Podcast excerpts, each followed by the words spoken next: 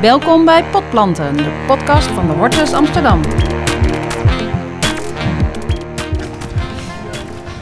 Welkom bij een nieuwe aflevering van Potplanten in de Hortus Amsterdam. Mijn naam is Janja Pubeek en ik sta met Arend Wakker, bioloog en rondleider bij de Hortus. Arend, we staan bij de Grote Eik, bij de ingang van een van de oudste botanische tuinen van Nederland. Vertel, waar neem jij ons in deze podcast vandaag mee naartoe? Nou, je kent de tuin natuurlijk. We hebben grote en kleine plantjes. En sommige staan al in bloei, want we zitten nu april, voorjaar. Nee, pardon, mei, voorjaar.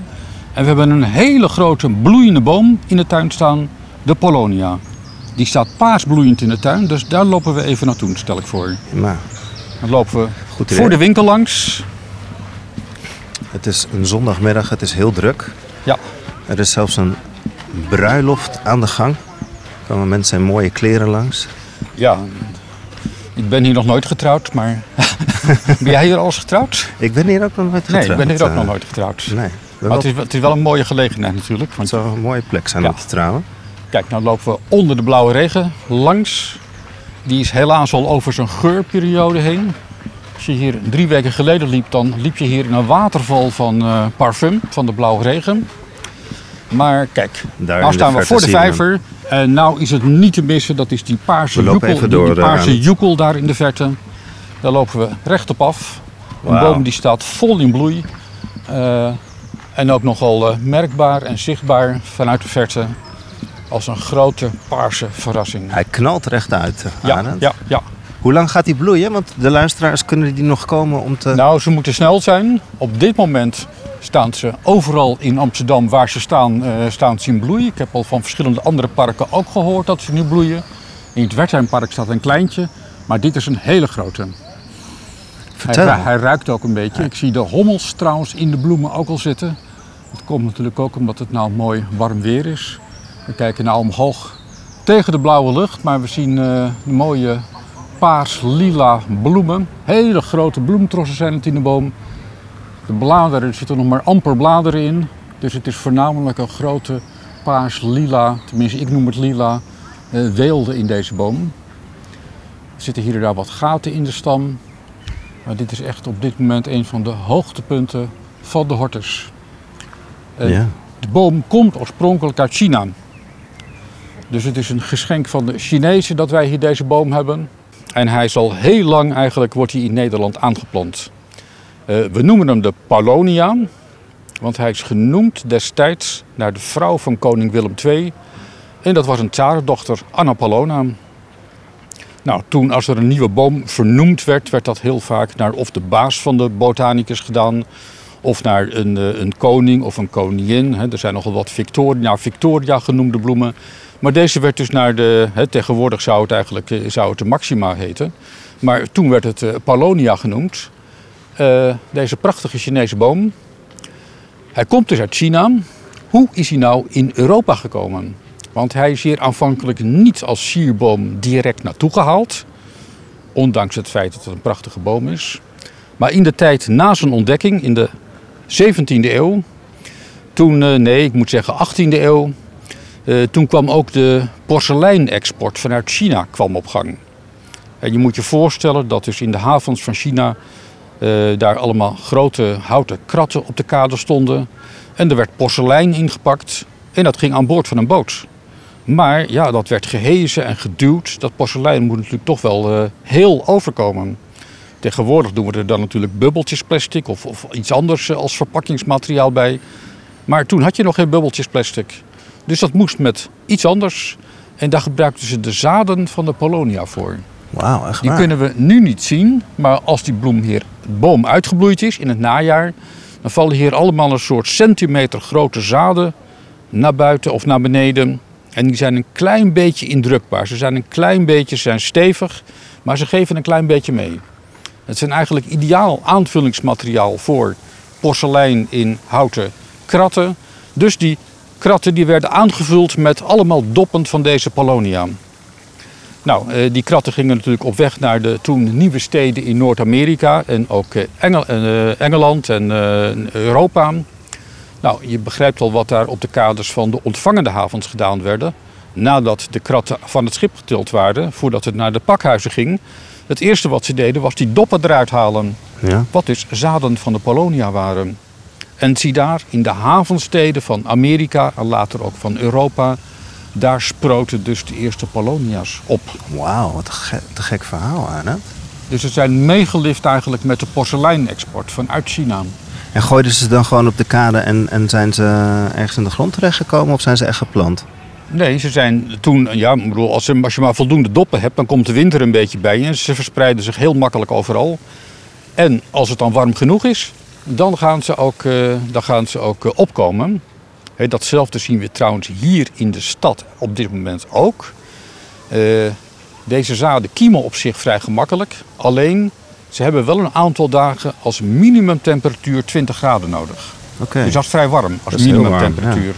Maar we herinneren ons de vorige zomer, 2018, toen hebben we een aantal dagen gehad dat de minimumtemperatuur in de stad boven de 20 graden lag. Zeker, ik kan Warme nachten. herinneren. Ja. Nou, eh, in het najaar zijn hier dus aan de overkant, eh, in de richting van Artis een klein beetje, tegen de gevel, daar stond dus een klein Polonia-boompje.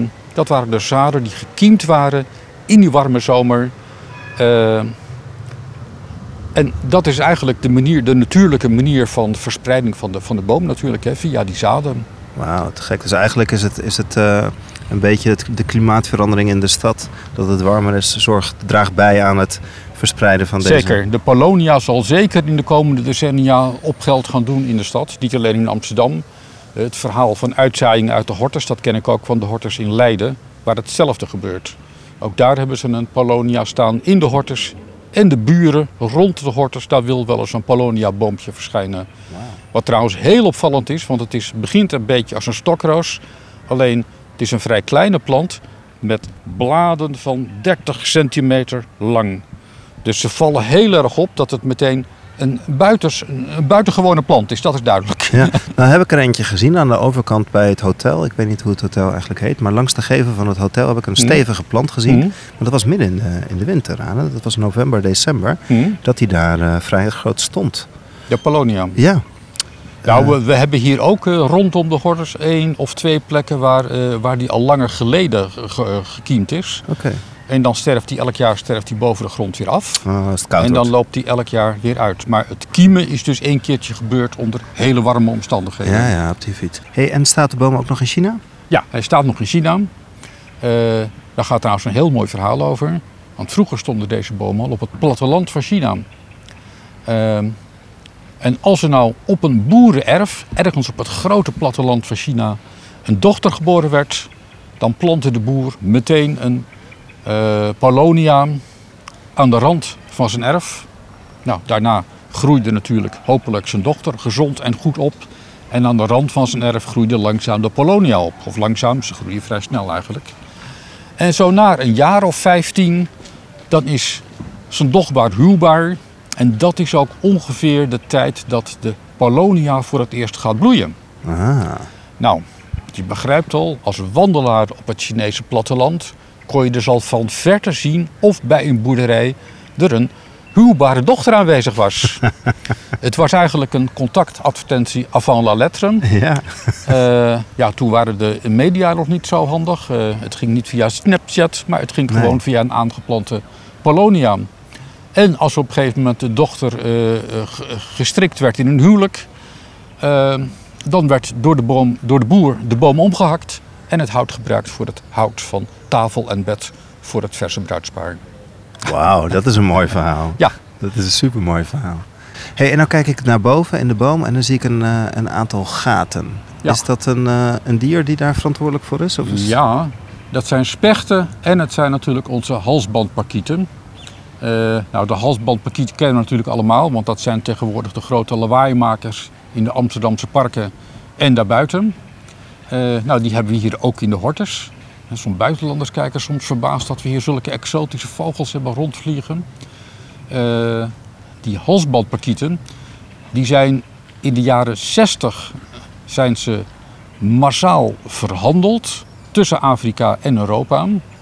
En in de jaren 70, tussen 70 en 80, zijn ze vermoedelijk of ontsnapt uit particuliere kooien. Of eh, eh, vogelliefhebbers vonden die vogels een beetje te groot worden en hebben zelf hun kooitje opengezet. Maar ongeveer in hetzelfde decennium kwamen die vogels op in, Amst- in, in Nederland als eerste in een bos in Wassenaar. Maar in dezelfde periode kwamen ze ook in Zuid-Engeland, Frankrijk en Duitsland in de bossen bij de grote steden.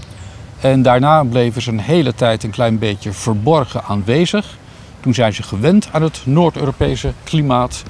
En daarna eh, waren ze kennelijk zo goed aangepast dat ze een soort explosie hebben doorgemaakt. Zodat inmiddels elke Amsterdammer de halsbandparkieten kent. Ja.